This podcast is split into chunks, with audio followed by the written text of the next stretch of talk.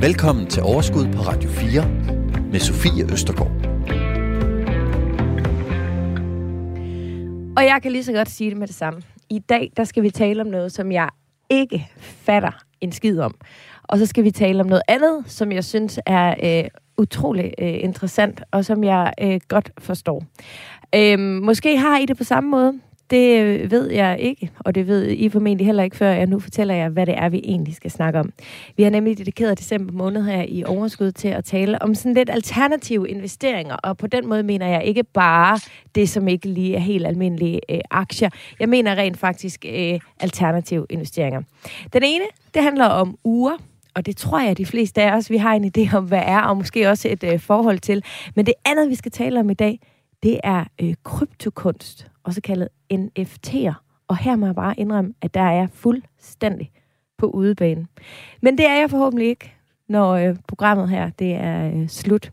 Vi skal også lige øh, runde Jakob Munk øh, Stander, som er CEO i det, der hedder Tobia. Vi skal tale om, øh, om hvilke, hvilke gaver man alternativt kan give til sine børn her i denne juletid.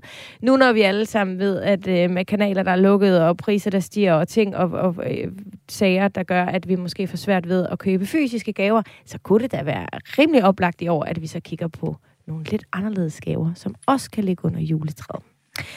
Velkommen til Overskud.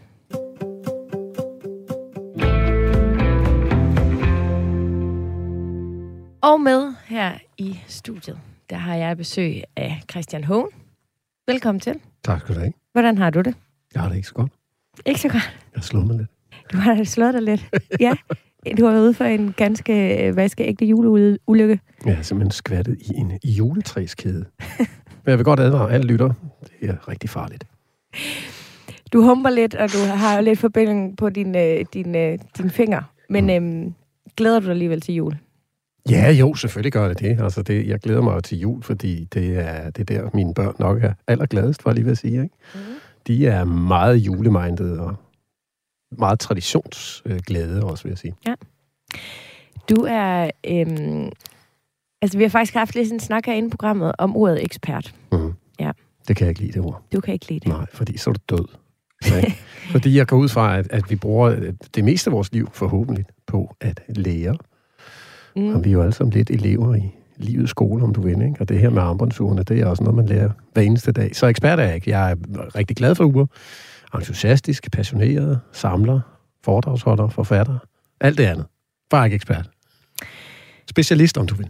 Ja, det er fordi, du føler, at hvis man er ekspert, så kan man ikke blive klogere, så kan man lige skal lægge sig til det. Ja. ja. Jeg kan følge dig. Mm. Og alligevel tænker jeg ikke det samme om det ord. Men det skal ikke skille os, fordi jeg er bare uanset hvad rigtig, rigtig glad for, at du er her. Tak. Til at gøre os alle sammen lidt klogere på uger, hvad det kan, og, og om, om vi måske skal overveje at investere en lille smule øh, i sådan nogle uger, om det er en god investering. Men øh, med på øh, linjen, der har vi også øh, Mikkel Malmberg. Hej med dig, Mikkel. Hej. Har du haft nogle juleulykker indtil videre? Øh, nej, det tror jeg ikke. Men altså, det kan det nå. Det kan nå endnu. Uh, ja. Ja, det håber jeg. Det, jeg håber det ikke. Du må lige passe på julekæderne i hvert fald. Mikkel, du er softwareudvikler, Ja. radiovært, og du er okay med at blive kaldt ekspert i NFT'er, som jo også kaldes for kryptokunst. Ja, det er rigtigt. Jeg kan ikke blive klogere. Så kan du jo lige så godt lægge dig til at dø, eller hvad? Har du haft et godt liv, Mikkel? Måske. Nå, men jeg er i hvert fald enormt glad for, at I to I er med her, og jeg vil gerne starte lidt i den afdeling, som jeg synes er øh, sværest at sådan forholde mig til i hvert fald, som også er, er det øh, øh, nyeste øh, her. Og det er det her kryptokunst, NFT. Apropos jul, var jeg faktisk til en julefrokost øh, for nylig, nylig, hvor jeg mødte en af mine venner, der fortalte, nu skal du høre, jeg er begyndt at investere i NFT'er. Og, og det er en af mine helt almindelige, altså bevares han er klog, altså det er jo ikke, men, men hvor jeg bare tænker, det er simpelthen for interessant. Og det er jo begyndt at sprede sig nu. Og jeg kan også forstå øh, på dig, Christian, at det også er kommet lidt ind i urverdenen, og det skal vi tale om, når vi lige merger de to ting her lidt senere. Men skal vi ikke lige starte altså sådan helt fra bunden? Prøv lige, øh, Mikkel, at fortælle, øh, hvad er kryptokunst? NFT'er. Jamen, øh, kryptokunst er, øhm, øh, eller NFT'er er jo ligesom, øh, øh, hvad skal man sige, øh, objekter på blockchain. de fleste har som måske hørt det her ord blockchain før, fra, øh, fra bitcoin måske. Bitcoin har man nok i hvert fald hørt om, hvis man hører en investeringspodcast. Øh, og øh, det er jo den her øh, møntfod, som kan eksistere decentraliseret øh, på nettet, øh, hvor der ligesom ikke er nogen, der bestemmer, fordi at øh, alle har, er med på lige fod, kan man sige. Øh, og det er jo altså gået, som det er gået. Prisen er gået op og ned og så videre. Men, men det har ligesom også været forbeholdt alle dem, som synes, at det var sjovt med, med, med priser, der rutsjer op og ned. Øh, det, der så sker her øh, senere, det er, at nogen så også opfinder øh, det, at man kan have et digitalt objekt. Altså ligesom man har i den virkelige verden med maleri, eller øh, et skøde til et hus, eller hvad som helst. Øh, vi, kender, vi kender mange objekter. Øh, så kunne man ligesom lave det samme slags koncept på blockchain, således at det er decentraliseret, og man kan stole på det, uden at det, altså, der er nogen, der ejer det. Ja, jeg er stadigvæk ikke sådan helt med, altså hvad skal vi bruge det til? Jamen, vi skal jo bruge det til, altså ligesom med øh, penge, som er sådan et øh, koncept, der ligesom er opfundet for at gøre en masse ting nemmere for os. Altså, der har vi jo så bitcoin eller nogle af de andre kryptovalutaer, som vi kan øh, øh, bruge som penge øh, så har vi jo også en masse andre ting, vi har opfundet, altså som, som har værdi, som øh, også har ejerskab. Altså hele det her begreb ejerskab er jo sådan set også noget, vi har opfundet. Ikke? Øh, og lige nu der er det sådan, at hvis det står hjemme i mit hus, så er det nok mig, der ejer det. Eller hvis det står nede ved kommunen, at det er mig, der ejer huset, så er det nok mig, der ejer det. Øh, men, så det her det er sådan set bare en, hvad skal man sige, en moderne eller en ny version af at øh, øh modellere ejerskab øh, registrere ejerskab, så det står i et system, øh, der ikke kan snydes med. Ja, og, og, og når vi nu taler om det her ejerskab, du sagde lige før, at ingen ejer det. Ja, altså systemet er der ikke nogen, der ejer. Det er jo, altså hvad kan man sige, det er, det, øhm, det er jo modsat de services, vi egentlig mest bruger på internettet. Så Facebook og Instagram og sådan noget. Når du, når du bruger Facebook og Instagram, så ligger øh, hele lortet jo på deres server. Så det vil sige, du uploader dit billede, så ryger det afsted over internettet, igennem nogle kabler, kabler under vandet, og så ligger det på øh, Facebooks server, og så står der faktisk i deres betingelser, at nu er det dem, der har rettighederne til billedet. Og så kan man sige, jamen så, så får du så nogle likes til gengæld, eller hvad skal man sige, men Facebook er jo øh, altså enehersker over det her øh, øh, øh, land, de har bygget, ikke? Altså, de er jo de eneste, der bestemmer, om du må sælge det billede, eller om du må give det til nogen, eller du må, altså, øh, om du må tage det ned igen, og det, det er jo fuldstændig i deres hænder. Øhm, og øh, det klarer vi også jo fint med. Vi får nogle dejlige likes øh, til gengæld. Men, øh, men det er jo ikke, altså, der kan jo godt være et problem her, med, har du set med, at så er der lande, hvor så lukker regeringen bare ned for Facebook eller Twitter, hvis de føler sig lidt presset af, at folk samles der. Øhm, så, så det er det, man kalder det centraliseret. Ikke? Altså, der er simpelthen et, et enkelt sted, man kan lukke for. Øh, Bitcoin er så en, hvad skal man sige, opstået som en direkte modsvar på finanskrisen, hvor at øh, bankerne var det centraliserede system, der, der ligesom skulle gøres øh, øh, oprør mod. Øh, og det, det er decentraliseret. Altså, det, det foregår på den måde, at der ikke er én computer eller et firmas computer, der står og kører det. Det er ligesom op til alle, der deltager i netværket, at køre de her computer øh, og de her regne, øh, hvad skal man sige, regnestykker, som jo sådan et computerprogram øh, udfører, øh, for at holde det kørende. Og således er der ikke, altså du kan ikke bare lukke én server eller lukke et firma øh, for at tage det ned. Du, kan, du skal ligesom lukke alle sammen på én gang, og det er jo så umuligt. Hvem ser så det billede, eller det, det kunstværk, som jeg så som jeg forstår det, har, har jo købt. Altså, jeg har jo stadigvæk købt det. Det er mig, der ejer det. Jeg lægger det så ud øh, på en øh, platform, som vi alle sammen ejer øh, i fællesskab. Men hvem kan så se, altså hvem får glæde af mit maler, øh, eller, eller mit kunstværk? Ligesom, hvis jeg har købt et kunstværk, der hænger over min sofa, så er det jo så dem, der går forbi min sofa, øh, der ser det. I første omgang, så, så kommer det jo til at være tilknyttet din profil, og så finder man en app, der kan vise, altså nu kalder det profil, men det er egentlig sådan en wallet, kalder man det typisk en, en punkt, så er den ligesom tilknyttet din punkt på det her netværk. Øh, nu, når vi taler NFT'er, så er det jo typisk Ethereum øh, blockchain. Øhm, og så kan man besøge hinandens punkt og se, hvad der er der i stedet. Øhm, altså er det, er, det, er det udelukkende det, som jo formentlig er nok i sig selv, at jeg, øh, at jeg øh, agerer på en uafhængig platform, eller Mm. Altså, fordi så kommer der jo det her lag oveni, hvor vi køber og sælger ting, ikke? Ja. Jo, altså, øhm, det du måske lidt vandrer rundt om, det er spørgsmålet, hvem, hvem kan finde på at købe sådan noget her? øh, altså, den første, man sådan skal, det første ting, man skal sluge, det er det der med, at der er et digitalt objekt. Og for det objekt, hvis vi er med på det, kan, altså det, det koncept, så gælder de samme ting, som for alle mulige øh, fysiske objekter. Så det vil sige, der er folk, der samler på mærkelige ting, men det har vi jo hele tiden kendt. Det er der jo folk, der har gjort i overvis, ikke? Der er frimærker og så videre. Der er også kunstsamlere, som køber malerier for sindssygt, sindssygt mange penge, og det har de gjort i alle år, og vi har alle sammen tænkt, det, så mange penge har jeg ikke. Men, for ikke at nævne uger. De ting... Altså, der er folk, der køber uger for mange, mange penge. Lige præcis. Så på en måde, så gælder alle de samme skøre regler, som der findes i den virkelige verden, bare for de, altså for de digitale objekter også. Øhm, og øh, du og jeg har hver vores Instagram-profil. Christian, du har også din. Jeg, jeg ved, jeg kan se på jeres, I gør meget ud af, hvad der er på jeres Instagram-profil. De, altså, man lægger ikke bare hvad som helst op. Man har ligesom en idé om, jamen det skal være den her slags billeder. Jeg tager billeder af det her, jeg tager ikke billeder af mine børn, jeg tager billeder af mine børn, jeg tager kun billeder af, af min mad, jeg tager billeder af... Altså, der er ligesom, vi har ligesom en, en eller anden form for idé om, hvem vi er online. Øh, og, og det er jo ligesom bare en del af vores, øh, hvad skal man sige, identitet, at vi har den her splittethed med, at vi er selvfølgelig ude i den virkelige verden, men vi er også online og forbundet.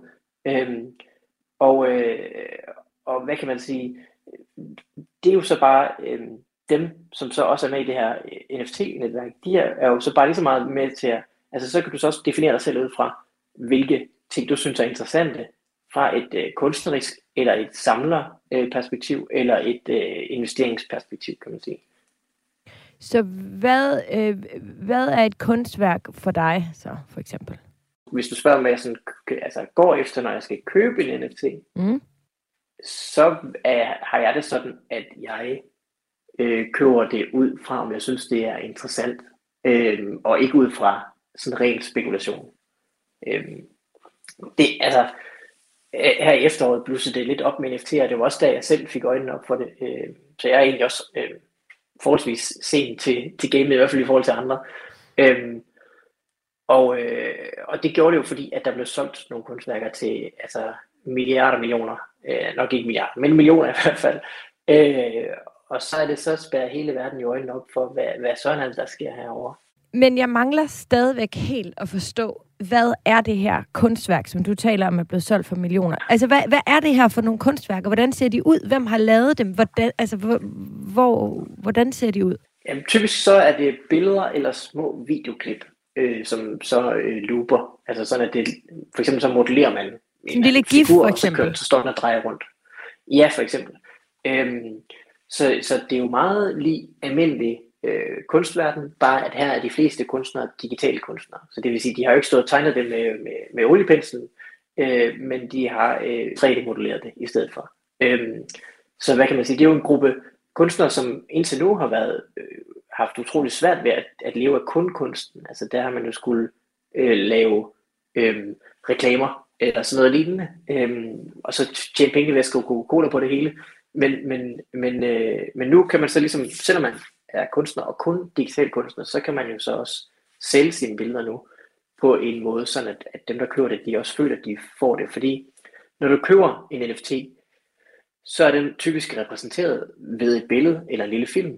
Øhm, men det billede og den lille film er faktisk sådan set ikke sådan selve kunstværket. Altså det er ikke selve NFT'en. NFT'en er mere bare beviset på, at det er dig og din wallet, der ejer den her NFT.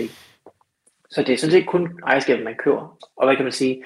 Øhm, der er nogen, der sådan forvirrer det med, at, at når man skulle købe en NFT, jamen, så er man den eneste, der har ret til at kigge på billedet. Eller hvis man køber en sang på NFT, så er man den eneste, der har ret til at, at høre den. Men det, det er ikke uh, tilfældet. Altså det, det ligger frit åbent for alle at uh, kigge på billedet og høre sangen osv. Så, videre. så det er ikke et spørgsmål om uh, sådan et DRM, det man kan, altså sådan noget kopibeskyttelse eller sådan noget. Uh, det er mere et spørgsmål om uh, ren og skær uh, ejerskab og følelsen af ejerskab. Så i stedet for ejerskabet ligger her hos Facebook eller hos nogle af de andre store spillere, der, øh, så, så ligger det for eksempel hos mig, at jeg ejer, jeg ved, jeg ejer den her sang, men, øhm, men både Christian og du og hvem end, de kan, de kan høre den, når de vil. Men værdien ligger i, at jeg ved, det er mig, der har rettigheden til den. Ja, og rettigheder er måske forkert ord at bruge, for du har jo ikke sådan, det er ikke sådan, du får øh, alle, alle kodapengene øh, for sangen. Øh, men du, du ejer sangen. Altså det er simpelthen et spørgsmål om, hvad, hvordan dig og kunstneren definerer øh, ejerskabet. Øh, ja, men der, der er jo så kun en af dem. Øh, typisk. Så det er jo ligesom det, der så er, er sjovt. Man skal ligesom være med på det her system i, at, at, så, så, at, det, ja, at det er en ting, at eje noget derinde. Ikke? Jeg, jeg betaler for, at, at jeg føler, at jeg ejer den lidt mere end Christian, men Christian må bruge den akkurat lige så meget som mig. Det er, hvis det ja, var en feriebolig, ja, så ville det måske være lidt underligt, ikke? ja. Ej, det er altså virkelig... Øhm, Nå, altså, kan du godt altså, forstå, hvis jeg, altså, hvis jeg stadigvæk er en lille smule, en lille smule forvirret? Ja, jeg er også så dybt ind i det nu, at jeg, at jeg efterhånden ikke selv kan se det udefra. er en form for Stockholm-syndrom måske. Men, øh, men altså, der er jo mange billeder af Mona Lisa rundt omkring. Du kan jo nemt finde billeder af Mona Lisa.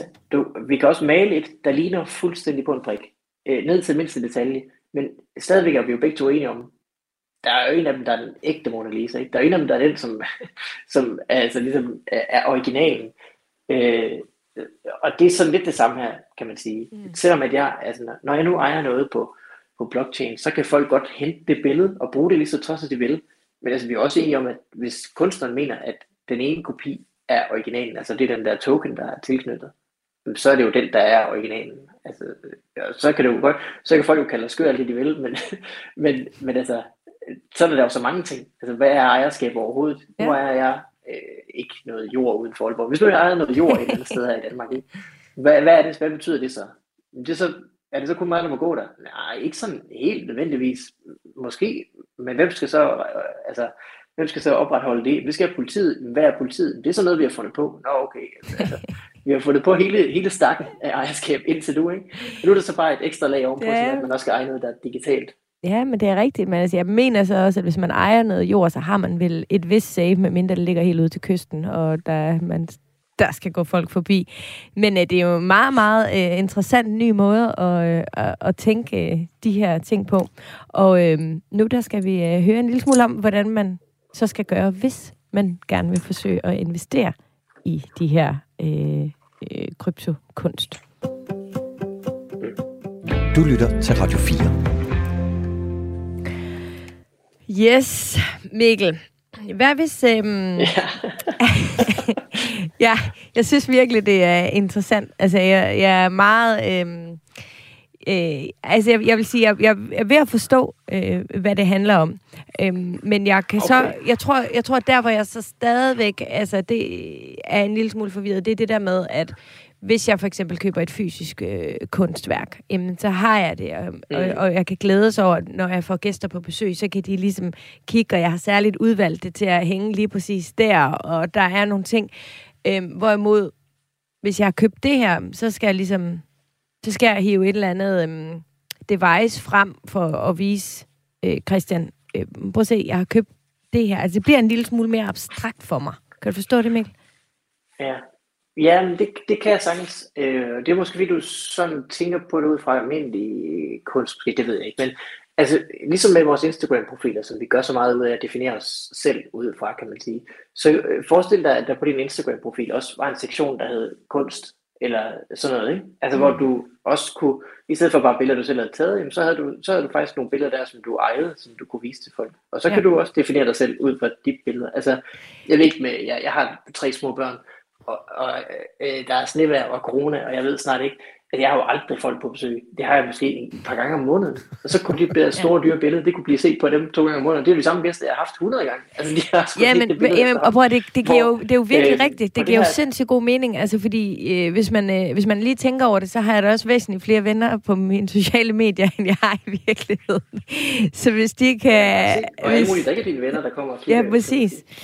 Og lad os så øh, sige, at mm, det vil vi gerne. Hvad gør vi så? Hvor skal vi gå hen for at investere øh, i det her? Hvad skal vi kigge efter? Jamen, øh, man skal have sig en... Øh, der er forskellige blockchains. Den største af dem hedder Ethereum. Øh, og der skal man have sig en Ethereum wallet, som man kalder det. Det kan være en app på din telefon. Jeg kan godt lide den, der hedder Rainbow, hvis du har en, en iPhone. Der er også en, der hedder Metamask, hvis du ikke har sådan en. Men lad os nu... Altså for eksempel, jeg, jeg har allerede øh, investeret i lidt... Øh, kryptovaluta. Øh, hvad, altså, er det den mm. samme wallet? Altså, en, er det den samme, man kan bruge? Ja, det kommer an på. Det bliver sådan lidt øh, øh svært. Men hvis du for eksempel du bruger det, der hedder Coinbase, øh, som det, det er en centraliseret exchange. så det vil sige, når du køber øh, bitcoin på Coinbase, så får du faktisk ikke rigtig bitcoin, fordi de er registreret sådan internt. Så det er først, hvis du flytter dem ud af Coinbase. Lang historie. Du skal have en rigtig Ethereum wallet, som ligesom ikke kan, kan købe på forskellige blockchains. Øhm, og der, det er for eksempel Rainbow. Du kan også bruge Coinbase Wallet. De har deres egen wallet-app. Øh, okay. Øh, men det er ikke nødvendigvis helt det samme. Så det, det skal man lige være opmærksom på. Øhm, så skal man finde sig noget kunst, man godt kan lide. Det er jo, det er jo desværre, kan man sige. Øh, men der findes nogle platforme, der er en, der hedder Foundation, en, der hedder OpenSea, en, der hedder Variable osv. Øhm, der kan man gå ind, og så kan man se alt det kunst, der er, og så er det jo bare, altså, så er det desværre jo at skille øh, skidt fra kanal. Øh, man kan også oprette sådan en Twitter-profil og begynde at følge nogle kunstnere derinde og sådan noget, så der, det er typisk, der snakken går omkring det. Øh, og så når man vil købe en, så, så skal man jo købe noget Ether for det første. Så køber man noget Ether, altså den er møntfod, med sin øh, almindelige øh, danske kroner. Der kan du bare købe med et dankort i, øh, i de fleste øh, wallet apps. Øh, og så skal du købe en NFT, der trykker du på Buy Now, og så er der sådan en lille proces, hvor du får det gjort. Det er næsten nemmere, end hvis du skulle taste dit dankort i virkeligheden. Ja. Øhm, og så har du den i den wallet. Så gælder det bare om ikke at miste koden til den, fordi så ryger det hele. Åh oh ja, det så, har vi det, hørt skrækkelige historier om. Og når du vil sætte det til salg igen, ja, når du vil sætte det til salg igen, så foregår det på de samme platforme. Øhm, hvis du vil det. Altså, hvad kan man sige? Det, det er, der, der er tryk på nu, så hvis man kun kommer for at tjene penge, så, så bliver det sgu svært. Men øh, hvis man kommer for at købe noget, noget kunst, så synes det er en sjov idé det her med, at, øh, at man kan eje noget digital kunst også, så, øh, så, er det, så er det nemt, og så kan man kun vinde, kan man sige. Øh, og nu siger du, det kan være svært at skille øh, skidt fra kanel, men der er du jo så øh, ekspert, så øh, ja. Du kan jo ikke blive klogere, så du er den rigtige at spørge, hvad skal vi kigge efter, hvis vi skal gøre en god investering? Ja. Øh, lige nu er der rigtig meget tryk på sådan øh, samle kollektioner. Øhm, typisk så gør øh, kunstnerne det, at de i stedet for at lave 5 eller 10.000 øh, individuelle værker, så laver de ligesom sådan en slags øh, øh, maskine, der kan lave autogenererede øh, personer. Så man, det er det, man kalder PFP, altså Profile Picture. Så det er meningen, at den skal lave sådan en, en karakter til sidst. Så de tegner fem hatte, fem hoveder, fem øh, jakker, fem øh, ting, de kan have i hænderne eller sådan noget lignende. Så øh, siger de til maskinen, prøv at blande dem her, og så kommer der jo sådan nogle tilfældigt genererede øh, øh, øh, hvad skal man sige, værker ud af den anden ende. Øh, og sådan kan man lave Øh, med, uden at skulle lave 5.000 individuelle værker, så kan man lave 5.000 sådan halvt sammen med maskinen værker. Så de er en del af en kollektion, og det er sådan et samleobjekt. Øh, så følger der til community med til at have det her. Øh, så hvis man har hørt sådan noget CryptoPunks eller Bored Apes, øh, Bored Ape Yacht Club, som er den, som Jimmy Fallon og øh, hvad hedder han, Post Malone, som har købt nogle af, de kendte begynder at melde sig nu. Øhm, så er, det, så er de en del af de her kollektioner, som er sådan en samle ting. Og der altså, kan man, hvis man kommer ind nu og vil have en board ape, så skal man jo smide nærmest en million kroner, og hvis du vil have en kryptopunkt, skal du smide nærmest 10. Øh, men, men der er jo masser af nye kollektioner, som man skal finde dem, man synes ser spændende ud. Øh, jeg går efter, hvad jeg synes er interessant ud fra sådan rent æstetisk øh, eller teknisk øh, hvad skal man sige, synsvinkel. Men det er svært ligesom at, og sætte fingeren på, hvad det er mm. præcis. Det, altså umiddelbart så tænker jeg, at de her kunstnere, de ruller med en OK timeløn, hvis de putter det ind, og så sker det automatisk. De lu- ja. laver 5.000 øh, kunstværker og sælger dem for øh, en million. Ja. men, ja, men det er øh, der ingen tvivl om, at, øh, nej, at øh, der er nogle, øh, nogle kunstnere, der har, der har måttet øh, øh, slide hårdt og selv rekl- lave reklamer i mange år, der, der lige nu er blevet millionær. Ja. Det, er jo, det synes jeg jo er fedt. Ja, det, det, det synes jeg også. Noget, de er blevet, altså, der er ikke Absolut. nogen, der til at købe noget, kan man sige. Det er, jeg synes, det er sindssygt spændende. Øhm, og ja, jeg, jeg er helt sikker på, at vi kommer til at høre meget mere om det her. Øhm, lige om et øjeblik, så skal vi til at tale om noget, der er lidt mere øh, håndgribeligt, og noget, som vi i hvert fald har noget længere historik med, øhm, som jo er uger. Men inden vi gør det, Øhm, Mikkel, vil du så ikke lige fortælle, hvad står NFT for? Bare lige for god ordens skyld. Ja, det står for Non-Fungible Token. Det betyder at den ikke er gangbar. Øh, det vil sige, når du har øh, en 100 grundseddel, så kan du bytte den til en anden 100 grundseddel, og det vil altid være det samme værd. Ikke? Øh, det samme med bitcoins, de er en til en det samme værd. Hvor når noget er non-fungible, så er det ikke sådan direkte sammenligneligt i, værdi. Så du kan have to billeder, øh, så er de jo ikke det samme værd. Selvom de har det samme mål, eller måske det samme motiv, eller hvad kan man sige, så, så er det jo selvfølgelig ikke det samme. Øh, så det er bare det. Du lytter til Overskud på Radio 4. Dagens gæster er ursamler, forfatter og foredragsholder Christian Hohen og radiovært, softwareudvikler og ekspert i kryptokunst Mikkel Malmberg. Ja, og Mikkel, du må endelig øh, hænge på, øh, fordi nu skal vi tale om øh, en anden øh, type øh, alternativ investering, selvom du, Christian, ikke er så meget for at blive kaldt for investor i uger. Nej, øh, altså det, det kan jeg lynhurtigt svare på, fordi hvis du er investor, så spekulerer du i at købe uger. Ja. Og det gør jeg ikke. Jeg har jo samlet mange, mange, mange år. Ja. Og jeg har jo altid købt, fordi jeg synes, det var et pænt ur, mm. og et ur, jeg havde råd til. Så det er jo ikke noget, man går i banken og ligesom låner til, fordi jeg siger, nu skal jeg have mig en samling, der skal stige værdi. Men det er der nogen, der gør der er, jeg har en fornemmelse af, at der er en tendens af nye samlere, der investerer i ugerne. Så man køber af den eneste grund til, at det er, at de lægger det ned i bankboksen med alle de stickers og klisterbånd og hangtags, der ellers er, når man køber uret, og så lader det ligge der, og så siger jeg, godt, så kommer det ud om fem år, og sælger det på auktion, så har vi måske fordoblet værdien. Måske. Sådan er det jo med al investering. Alt. Måske. Måske. Ja. Men jeg vil godt lige lov at sige til, til Mikkel. Mikkel er ikke ekspert. Ved du, hvad han er? han er influent fordi jeg har lyst til at gå ud og købe et, et eller andet krypto, kryptogøjl nu. Så jeg også har det. Jeg skal da prøve at finde det. Det skal jeg da prøve det der. ja. Uh, Mikkel, du skal lige vide, at Sofie og jeg, vi har lige samlet nogle tomme flasker sammen herinde i studiet, og lige om lidt, ikke, så går vi ud og vækster dem, putter ind på vores standkort og køber noget kryptogøjl. Ja, og bare det, du kalder det kryptogøjl, gør jo, at du fuldstændig er med på, hvad det er. Men øhm, uger. Hvor mange uger har du? Jeg ja. har nogle stykker. Jeg har de rigtige, synes jeg. De er rigtige? Ja. Også øh, det rigtige antal, eller skal du have flere? Nå, det har ikke noget med antallet at gøre. Det har det ikke? Nej. Øh, og jeg bliver ved med at sige til mig selv, at, at jeg er tilfreds. Og det er jo faktisk det samme som at sige, at jeg er ekspert. Mm. For det, man er jo aldrig helt tilfreds. Nej. Der er altid et eller andet, der lokker. Ja. Øh, og øh, modsat det elektroniske medie, vil jeg sige, så er de håndgribelige armbåndsure, det er jo noget, man kan blive tiltrukket af. Det er noget med forførelse, øh, om du vil øh, og man kan blive forført af et ur. Ja. Og øh, når man forelsker sig af et ur, så er forelskelse, det er jo, det er jo lidt en, en sindssyg, om man vil. Så man kan jo godt være lidt i fare for, at øh, det har man ikke råd til, man køber det alligevel, fordi det får hjertet til at banke lidt, ja. lidt hurtigere. Har du oplevet det? Mange gange. Hvornår blev du forført af de her uger? Øh, som jeg husker det, der var jeg seks år gammel.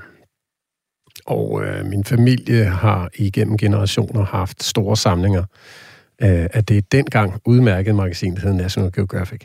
Mm. Og dengang, der, var, der åbnede verden sig, når man åbnede National Geographic. Og man lærte om øh, sydafrikanske stammer og dyr, man ikke vidste fandtes, og bjerge, der var højere end det bjerg, man havde læst om tidligere.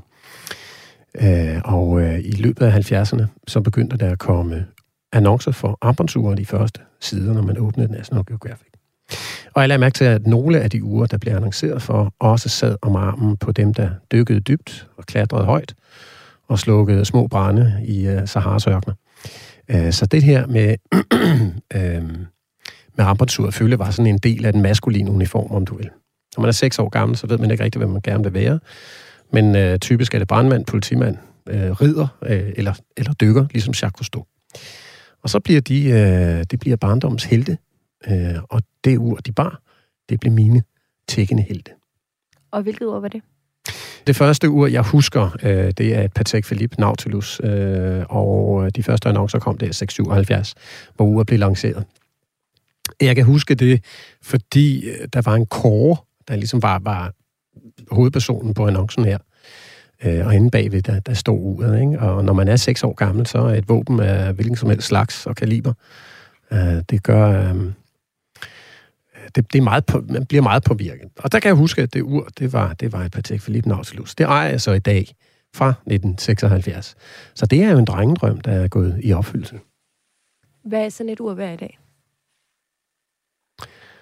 Det, det, nu skal vi have penge på det. ja, Jamen altså nu... vi, nu vi skal jo vide, om man skal Ja. investere i det. Jo, jo, men altså, det er cirka en million kroner hver dag. Uh, men det var også dyrt i 1976. Det var meget, meget dyrt. Uh, dengang kostede det, øh, det der svarer til, uh, jamen det kostede cirka, jeg tror det var 28.000 kroner dengang, ikke?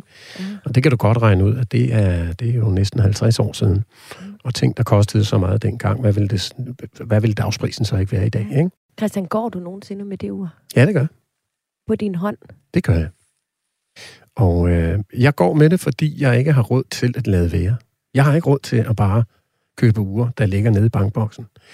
Øh, modsat en kryptovaluta, øh, så, øh, så holder jeg jo de fysiske, øh, de fysiske objekter, om du vil. Mm. Øh, og ligesom du har jeg jo også øh, ting på væggen, som jeg holder meget af. Jeg kan ikke huske, hvad kunstnerne hedder, øh, eller hvem der har taget det pågældende fotografi, eller hvad det nu, der er indrammet. Det er bare ting, jeg rigtig godt kan lide at kigge på. Og jeg kan rigtig, rigtig godt lide at kigge på mine armbåndsure. Og jeg har det sådan lidt, når jeg går ned i min bankboks og åbner den og tænker, wow, ejer jeg alle dem her? Og øh, det har jeg også gjort med mine børn. Og min datter, hun fik jo det Rolex-ur, jeg købte til hende, da hun blev født. Det fik hun, da hun fyldte 18 for et par år siden. Og min søn, når han bliver 18, får også et Rolex-ur. Og det var, fordi jeg havde et Rolex-ur på, da de blev født. Øh, og de ved, altså min datter var jo med nede i bankboksen i mange år og siger, det der, det er dit skat. Det skal du have, Mm. når du bliver stor nok. Og min søn, han ved også godt, hvad det er for et, han skal have. Det der ved det, det er jo, at jeg kan jo ikke, jeg kan jo ikke bare forvente, at mine børn bliver lige så glade for uger, som jeg er. Øhm, og derfor så er jeg jo nødt til ligesom at opdrage dem i, at der er en værdi i det her. Udover den emotionelle værdi. Øh, så på bagsiden af min datters Rolex står der, jeg har fotograferet, øh, hvis du bytter dette ur til has, så få mindst et kilo. Hilsen far. Så ved hun jo godt, at hun har en valuta her. Ikke? Og det er ikke bare den der med, der egentlig siger, at jeg har, jeg har to billetter til Roskilde Festival. Nej. Jamen, jeg har ikke nogen penge. Du kan få det her. Mm. Det er sikkert det værd, ikke? Så de emotionelle værdier er blevet styrket med en lille besked fra far på bagkassen. Og det, det, det synes jeg er meget fint. Så glemmer de det ikke. Nej, Du taler jo meget om øhm, det her med, at, øhm, og det synes jeg egentlig også, at, øhm, at Mikkel gør, det synes jeg faktisk er gennemgående for, for mange af de gæster, jeg har i studiet. Og jeg tror også, at det, øhm, det, har, det er rigtig vigtigt, når vi taler om de her mere alternative investeringer, som uger er kryptokunst. Og vi, i, i, I næste uge skal vi også tale om, om Pokémon-kort og Magic Cards. Vi har talt om sneakers. Altså, at uanset at jeg er jo selvfølgelig er interesseret i at, høre om selve investeringen, for at finde ud af, er det noget, vi skal gøre, og hvordan skal vi gøre det, så er det, altså det med hjertet forrest. Øhm, er du enig med mig i, at man kan ikke, altså, at, at det vil være et, enormt svært at, at investere i nogle af de her type former for investering, hvis ikke man har en, en, en interesse i det, eller et, et hjerte, der banker lidt for det? Jamen, jeg har jo øh, tidligere investeret i noget, jeg ikke anede noget som helst om, og der har jeg tabt penge hver eneste gang. Ja. Mange penge. Mm. Men, men, øhm, men ure. Øhm, hvilket ur øh, vil være, altså vil man skulle kigge efter, hvis man gerne vil lave en god investering i ure? Jamen, altså, skulle jeg ind i dag øh, og sige, godt, jeg har fået feriepenge, jeg har ikke været ude at rejse i to år, øh, jeg har fået lavet køkken, øh, jeg har lidt til overs. Så vil jeg kigge på Omega Speedmaster fra 90'erne. Omega Speedmaster blev introduceret i 1957, og det blev så måneuret i løbet af 60'erne, og var med på den første måneferie i 1969. Og i løbet af de mange år, der er gået, så har uret jo ikke ændret udseende særlig meget. Øh, samtidig med, at det er jo det mest solgte kronografur, om du vil, nogensinde. Kronografur, hvad mener du med det? Kronograf er et stopur. Hmm. Og øh, i det, man, man har produceret så mange, så er det de der bitte små forskelle, der gør, at de er interessante. Det kan være nogle tal på kransen. Det kan være skivens form. Det kan være der, hvor logoet sidder. Det er de der bitte, bitte, bitte små ting. Når ting er produceret i så mange antal, så er det de små detaljer, der skiller dem ad. Men det er jo også ofte der, hvor man så siger, at så er værdien ikke så stor. Fordi Nej, men det, jeg synes, der er mange. interessant, det er jo, at nu er der netop kommet en ny generation af Omega Speedmaster her for, nogle, øh, for et år, lille års tid siden, med et, øh, et lidt anderledes værk, og en lidt anderledes lænke, og lidt anderledes kasse, etc., etc. Det vil sige, at alt det, der udgår, bliver mere interessant. Når de uger ikke længere produceres, så bliver man mere interesseret i det. Øh, og øh, og der, der er jo mange, der så kommer lidt for sent til løbet, kan man sige. Ikke? Men lige præcis, når jeg siger Omega Speedmaster, fordi det er et ur, som langt de fleste godt kender. Det har en rigtig fin øh, proveniens, rigtig god historie med månelandinger. Det var det officielle NASA-ur, det vil sige astronauter på alle missionerne, øh, havde et øh, Omega Speedmaster øh, om armen. Øh, samtidig så ligger det et prisleje, hvor rigtig mange godt kan være med. Og hvad, hvad er prisen? Jamen, jeg vil tro, hvis du køber et, et, øh, et, et øh, Omega Speedmaster fra før 96, eller fra 90'erne, øh, så, så ligger du for, på en 30-35.000. Øh, alt efter stand, selvfølgelig. Ikke? Og jeg kunne godt forestille mig, at, at netop de her uger, om ganske få år, 5-6 år, så er det 50-60.000 kroner. Ikke? Og det er igen, fordi det er et ur, der ikke bliver produceret igen. Ja. Det er stoppet. På trods af, at du kan købe et spritnyt, der ligner det på en prik. Hvor køber du uger hen? Øhm, fordi jeg, jeg har tænkt lidt, er det smartest, øhm, at man går ind i en af, en af butikkerne, altså Mm. på strøget ligger Klarlund og Mm. andre af de der meget øh, øh, gamle øh, øh, butikker med en, med, en, med en stor tradition. Ja. Og du kommer ind, og du får vejledning, og de Mm. står i noget rigtig pænt tøj, og du får måske Ja. et glas vand. eller, pænt altså, ja, det er virkelig... altså, ikke? Øh, og du kan også købe det øh, på nettet, eller du kan købe det andre steder, hvor jeg forestiller mig, Mm. at, at der måske er nogle udgifter til pænt tøj og vand mm. og sådan noget. Der er ikke, altså, hvor skal man købe det, hvis man gerne vil øh, øh, begynde at investere lidt i uger? Jamen, jeg har det lidt som Pretty Woman. Nu ved jeg ikke, hvor gammel du er, Sofie, men det, det var en film, der var populær, jeg var ung. Okay. Øh, og det er der, hvor, hvor, øh, hvor Richard Gere kommer ned med et stort kreditkort og siger, I need a lot of sucking up. Ja. Jeg, jeg skal have den fysiske kontakt med en forhandler. Jeg vil gerne sidde ned, jeg vil gerne have det glas vand, jeg vil gerne se, at han eller hun er pænt klædt på, som du siger. øh, så altså, jeg, jeg har et ur på i dag, som jeg købte i Paris i, øh, i fredags. Må jeg se det? Ja. I fredags? Ja. Mm. Ja. Øhm, og og, og det, det skal vi også lige snakke lidt om, hvordan jeg køber ure. Fordi det der ur er jo hverken dyrt eller samlerværdigt eller noget som helst, men jeg synes simpelthen bare, det er så fedt. Jeg kunne ikke få det er hos de danske forhandlere. De, de, de sagde, at de fik ikke flere i år. Øh, og så var jeg tilfældigvis i en, en forretning i Paris, øh, som havde det. Øh, og det gjorde mig rigtig glad. Det er jo slet ikke noget op i... i Men når du siger, at det ikke er dyrt, altså, Ja. hvad koster det så? Ja, det koster øh, herhjemme 28.000 kroner. Ikke? Øh, jo, men nu fniser du lidt, ikke? Øh, men, men jeg tror, mange samler vil tænke, øh, øh, får der ikke noget af. Men det er jo fordi, jeg købte af lyst og forførelse. Kan du lige fortælle, hvad mærket det er, for jeg kender det ikke. Det er, det er et, et urmærke, der hedder Tudor. Ja. Tudor er et søstermærke til Rolex. Rolex kender du nu. Ja. ja. Og det er et meget specielt ur, fordi øh, det er faktisk ikke særlig kønt. Og jeg tror nok, at i virkeligheden, at jeg falder meget for, for øh, ure, der måske ikke er så skide populære. Øh, og måske er sådan lidt fjollet. En grim melding. Den ja, grimme meldinger. Det, det, det kan man godt sige, at, at min samling måske øh, til dels er lidt præget af. Ikke? Øh, men det her ur, synes jeg er skægt, fordi det er hverken øh, et dykkerur eller et ikke dykkerur. Det er lavet til de, øh, de franske kampdykker. Ja. Og det er lavet sådan meget, efter nogle meget specifikke kriterier, som de franske kampdykker kom med til Rolex. Og hvad, Øhm. hvad vil du tro, sådan et ur her? Altså, tror du, det stiger i værdi? Det aner jeg faktisk ikke noget om. Fordi jeg har jo ikke købt det som en investering. Jo, jeg har købt det som en investering for min egen glæde. Og, og det vil være sådan noget, man måske skal... Fordi det er jo udbud og efterspørgsel, der gør, at ting øh, stiger i værdi. Ikke? Øhm, så lige præcis sådan et ur er måske ikke det, man skal købe, hvis man vil investere. Jo, men altså, hvis, hvis du vil have et afkast, altså ja. Ja. et økonomisk monetært afkast, så skal du nok købe noget, som du ved med sikkerhed, mange andre gerne vil have. Lad os nu sige, at den øh, globale middelklasse, den stiger med 150 millioner mennesker over de næste øh, ganske få år. Ikke? Mm. 150 millioner, ikke? For rigtig mange af dem, så er belønningen ofte et armbåndsur. Det kan være et ur fra Omega, eller fra Rolex, eller fra Tag Heuer. Øh, og de producerer slet ikke ure i det antal. Nej. Overhovedet ikke. Så det er din, dine mærker, du nævner der, du tænker, at man skal kigge efter, hvis man vil øh, gøre en god øh, pengeinvestering, og ikke kun en god øh, hjerte. Ja, men altså problemet med Rolex er, at det er utrolig svært at få fat på. Der er ventelister på, jeg ved ikke, hvor mange år. Øh, og øh, forhandlerne har uger stående i forretning, hvor der står exhibition only, det vil sige uger, de ikke engang må sælge. Mm. Øh, og så, så bliver det jo Det faktisk... er ret vildt med Rolex, altså at det i så mange år kan blive ved med at bare være det ur. Og det er fordi, det er sådan nogen som, som mig, som ikke har forstand på det, men det er sådan, at de har simpelthen bare fasttømret sig Ja. så voldsomt, Ja. at, at det kender jeg uden at kende ure. Altså sådan, Jamen altså, over de, de, øh, de øh, populæreste mærker, øh, der ligger Rolex øverst og Lego nummer to. Ja. Øh, det er jo ret interessant. det er vildt nok. Så man kan sige, jeg ved ikke, om Rolex er præget af en boble, fordi Rolex, altså det, det var for mig også det, det første mærke, jeg ligesom... Nej, det passer ikke. Det første dyre ur, jeg købte, det var et Tudor. Som du nu Som i nu Paris ligger der, har ja, købt et ekstra. Ja.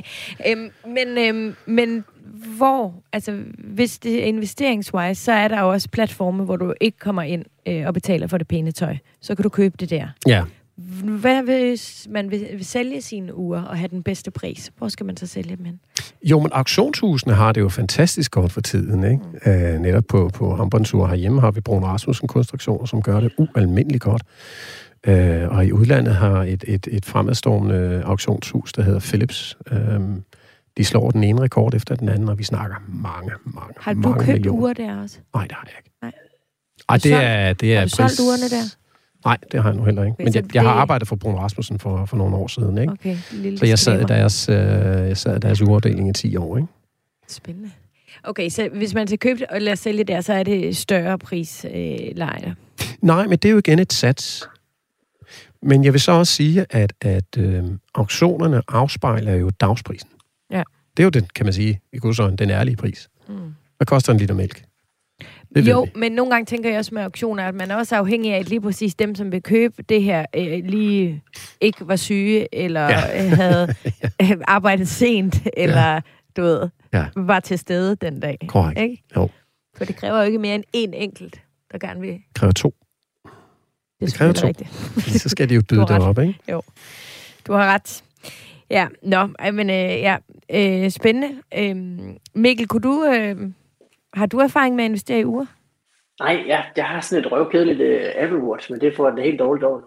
Øh, så det lyder øh, vildt spændende, øh, og øh, måske det eneste, der øh, holder mig tilbage, eller det ved jeg ikke, om det er det eneste, men noget, der holder mig tilbage, er, at jeg jo ikke aner en skid, der er så meget at lære. Ikke? Så det, det er sådan noget, der, der, der, der, der ser svært ud udefra, men, men jeg synes, det øh, lyder vildt interessant, og, og i virkeligheden er der mange øh, ligheder mellem de to. Altså, det er jo noget, hvor man kan få lov at investere ud fra sin smag, hvilket jo er, altså, er anderledes end, selvfølgelig kan man have smag i aktier, men det er jo ikke helt det samme. Altså, det gælder lidt om at finde de der lidt oversete, lidt, øh, enten skal man være tidlig, eller skal man have en, den bedste smag, eller sådan noget lignende, ikke? Så kan man, så kan man godt være med. Øh, men hvis man kun går efter at købe en sikker vinder, jamen, altså, det, det findes jo ikke. Så det er jo derfor, det er selvfølgelig svært at sige, hvad det, ja. hvad det er, der er sådan. Ja, og, og også det, som jeg mener, det, det, det har, det synes jeg både uger og, og kryptokunst handler om også, at, at det gør, at man lige sætter sig det ekstra ind i, i det, som på en eller anden måde også kræver noget øh, interesse. Helt klart. Helt Altså- klart. Det er jo, øh, det er der, hvad jeg siger, altså livet er jo en lang skole, ikke? Mm. Øh, og hvis, hvis du spurgte mig, jamen, hvad, jeg, vil, jeg vil gerne begynde at samle på uger, hvad skal jeg så gøre? Så vil jeg sige, jamen godt, først så skal du læse en masse forskellige urforer på nettet, ikke? Og du skal lytte til eksperterne, og, og hvordan, så skal du krølle helt lortet sammen. Smide det i skraldespanden, fordi Ja. ja. så får du din egen mening. Ja. Så får du din egen, du finder måske ud af, om gud, jeg kan egentlig godt lide uger fra mit fødselsår. Mm. Urmærke underordnet, ikke? Jo, fordi ellers så vil du til enhver tid bare være den, der halter efter og gøre det, som alle de andre gør, og det tjener du sgu ikke øh, penge på, hvis vi skal se på det som en ren øh, investering. Nej, altså du tjener ikke det samme, som, som man kan sige ham, der ligesom fandt på det. Nej, præcis. Det er nemlig det. Øhm, Christian, du var lidt inde på starten af programmet, mm. At, at uger og kryptokunst, det er ligesom også, Ja, det, det, det sniger sig lidt ind på hinanden. Ja. Hvor, vil du prøve at uddybe det? ja men nu skal jeg jo passe på, fordi øh, vi ved jo, at øh, den, den tredje linje ind her er jo fra en ekspert, Mikkel. Øh, og øh, jeg skal jo passe på, hvad jeg siger, men det, men det er meget interessant, fordi faktisk en af mine kolleger, han er jo fuldstændig sindssygt øh, glad for blockchain og cryptocurrency øh, og NFT. Altså, hvis jeg fortalte, om jeg var inde og lave radio nu, der handlede om det, så ville han blive ellevild, ikke? Og han har investeret i cryptocurrency for mange, mange år siden, og hans børn spørger, jeg vil ikke have lommepenge, jeg vil gerne have noget krypto i stedet for, ikke? Er det det er meget, meget interessant. Men øhm, et urmærke, der hedder Hanhart, og et urmærke, der hedder Øblo, har for nyligt faktisk lanceret uh, NFT's af ure, armbåndsure. Uh, og jeg forstår ikke en skid. Jeg har lyttet, Mikkel, det har jeg, og jeg har Sofie, hun kan, kan verificere, jeg har lavet noter. Han har taget noter hele Jeg har simpelthen taget noter, Mikkel, og på et eller andet tidspunkt får jeg også det telefonnummer og ringer hemmeligt til dig, øh, og siger, at jeg skulle ringe fra en ven. og, lige, og lige høre, jeg har hørt noget om. Men jeg, jeg forstår jo ikke det her med, at man køber NFT af et armbåndsur, fordi et armbåndsur er jo, som ordet siger, noget, man putter om armen. Men det, men det er jo det, altså, at øh, fremtiden er jo, at vi måske mere har en identitet øh, online, end vi har en i, øh, i virkeligheden. Vi er jo allerede inde på det. Vi har flere venner øh, øh, online øh, på sociale medier, end vi har. Og det er jo, og det er jo den måde, vores hjerne, den skal ligesom twerkes til altså, at tænke, og det er jo der værdien, den så ligger. Jamen ved du hvad, næste gang, så kommer jeg ikke i studiet her, så sender jeg min avatar. Ja, ja, du ikke? behøver, der er ingen grund til, at slet ikke komme ind her med forbindinger og haltende ben. Fuldstændig og... åndssvagt. fuldstændig vanvittigt, vi har Fuldstændig vanvittigt, vi sidder her fysisk ja, i radiostudiet. Helt, helt åndssvagt. Du lytter til Radio 4. Nå, nu der skal vi øh, øh, tale lidt om øh, julegaver, fordi øh, det kan man jo godt gå ud og give øh, 40.000 kroner øh, i et armbåndsur, eller købe et eller andet øh, kunstværk, som, som vores børn kun kan se på, på nettet, men man kan også noget andet, og det skal vi øh, tale om nu. Så øh, derfor så er jeg glad for at øh, kunne øh, byde velkommen til øh, dig, Jakob. Hej, Sofie. Hej, Jakob. Hvordan har du det? Ja, det er godt, tak. Jeg er glad. Altså, betragtning. Det er jo koldt udenfor, men øh, ellers går det godt. Ja, det er altså virkelig koldt udenfor. Men mindre man hører det her program om øh, sommeren, så kan det jo godt være, at det er varmt, og så er det måske heller ikke julekæder, ligesom øh, Christian, man skal være bange for at falde over, så er det bare kæder generelt. men øh, Jakob Måns, der du er jo fra øh, Tobi, hvor du er CEO. Vi har lavet et program tidligere om øh, børneopsparing. Et meget populært program også, fordi det er simpelthen en jungle at finde ud af, og hvis der er noget, vi gerne vil, så er det jo at give vores børn øh, den, øh, noget med øh, videre. Men øh, jeg ved, Jakob, at du har lidt idéer til, hvordan vi kan øh, tænke i pengegaver til vores øh, børn nu her i juletiden. Nemlig, og det er jo egentlig øh, lidt ud fra, at vi selv går og, øh, og prøver at blive klogere på øh, vores kunder osv., og, så videre. og så har vi lavet en lille undersøgelse af øh, omkring 500 øh, deltagere, hvor vi prøver at spørge, jamen, hvordan tænker man omkring julegaver i år? Øh, fordi at øh, verden er jo lidt anderledes, end den plejer at være, med forsyningskriser og fokus på øh, kan man sige, øh, mere bæredygtighed. Øhm, og der var faktisk 61 procent, som svarede, at de forventer at tænke anderledes omkring julegaver til deres børn i år, det synes vi var ret interessant. Ja. Øhm, så man kan sige, øh, generelt set, så, øh, så det man jo kan overveje, det er i hvert fald i forhold til børn, og, og børn er vi jo i mange størrelser, det er, øh, hvor meget vi behøver de store gaver, der, der skal ind under juletræet, versus, øh, kan man sige, pengegaver, øh, som jo faktisk måske er noget, hvis man investerer med i hvert fald, som kan øh, også kan skabe værdi, ikke kun på den korte bane, men også på den lange bane. Ja, de kan jo faktisk ende med at blive de allerstørste gaver. Lige præcis. Det er, det er virkelig en til børn, hvor øh, man kan sige, det, det er de færreste børn, der, der har behov for øh, for at bruge øh, alt deres opsparing i hvert fald øh, på den korte bane. Og der er det jo så, at man, øh, man kan prøve at tænke over, hvordan en, en pengegave kan blive, øh, kan, kan blive til mere hen over årene. Ja. Så hvad, øh, hvad er dit råd så? Jeg vil sige, øh, til at starte med er det jo at finde ud af, hvad, hvad har vi egentlig brug for, og hvad har vores øh, barn brug for, og, og måske virkelig prøve at balancere, øh, hvordan gør vi øh, børnene glade på den korte bane. Så det er jo ikke sådan, at man skal gå ud udelukkende og, og give pengegaver nødvendigvis, men man skal i hvert fald overveje, om, om de der otte plastikting, om, eller hvad det nu måtte være, om de alle sammen øh, behøver at være noget, man ønsker sig. Øh, og så skal man jo forholde sig til, jamen hvis man, øh, hvis man ønsker en pengegave øh, på vegne af øh, sit barn, og det er der faktisk øh, i den undersøgelse, jeg nævnte før, der er 35 procent, som forventer at ønske sig penge til børns opsparing. Øh, hvad gør man så med de penge? Fordi hvis øh, ens barn får en pengegave på 500 kroner om året øh, til hver eneste jul, så kan det jo virkelig blive til rigtig mange penge. Øh, både i indskud, men også hvis man for eksempel investerer pengene, øhm, øh, når, når nu der som oftest er en lang tidshorisont for, for børnene. Så det kan jo gå fra, øh, kan man sige, at, at være 500 kroner, øh, hvad hedder det nu, øhm, øh, om, om året i øh, julegaver. Det vil jo så give øh, samlet set øh, cirka 9.000 kroner i, øh, i indskud over, øh, over 18 år, men man kan nærmest øh, få de penge til at blive til næsten 15.000 kroner, hvis man så investerer penge i stedet. Og det er, jo, det er jo noget der, hvor man begynder at forholde sig til, om pengene bare skal stå kontant på en konto, eller om, om skal vi gøre noget med pengene igennem året. og vores lytter, de, de vil jo gerne gøre noget. Så hvad, hvad gør vi? Jamen, det er jo simpelthen at, at for det første på vegne af sine børn ønske øh, pengegaver, fordi så kommer det på agendaen, og så, siger, øh, så forholder man sig som giver til, øh, om øh, ønsker jeg virkelig at give øh, den her ting, eller måske en pengegave. Øhm, og så er det som, øh, som modtager at sikre sig, at pengene ikke bare står i en konvolut. Det kan være, at man har fået en fin, øh, et fint brev, øh, hvor der står nogle rigtig fine ord i, og nogle kontanter i en konvolut Men så er det jo at forholde sig til dem og sige, jamen skulle jeg måske oprette et uh, depot eller en Tobi-konto, eller hvad det nu må være, hvor at, uh, at pengene kan blive investeret, frem for at uh, vi samler på konvolutter. Uh, fordi at så er det jo, at når der er en rigtig lang tidshorisont, som der jo kan være for børn, 15-20 år, så er det jo inflationen, øh, gør jo, at de øh, pengegaver, man får, øh, når barnet ikke er så gammelt, jo, øh, at den købekraft, den er, den er lavere på et senere tidspunkt. Og derfor giver det rigtig god mening at investere penge. Og lad os sige, at jeg øh, vil investere de her penge på for eksempel øh, en, en Nordnet eller Saxo, eller et, et sted, hvor jeg ligesom opretter en, et depot. Jeg kan tage de her penge ind. Er det så øh, børnenes øh, frikort, som det skal gå ind under? Er det sådan, det er? Fordi, ja, så er det helt ja. Det, er jo, det, er jo den, det er jo den helt store fest.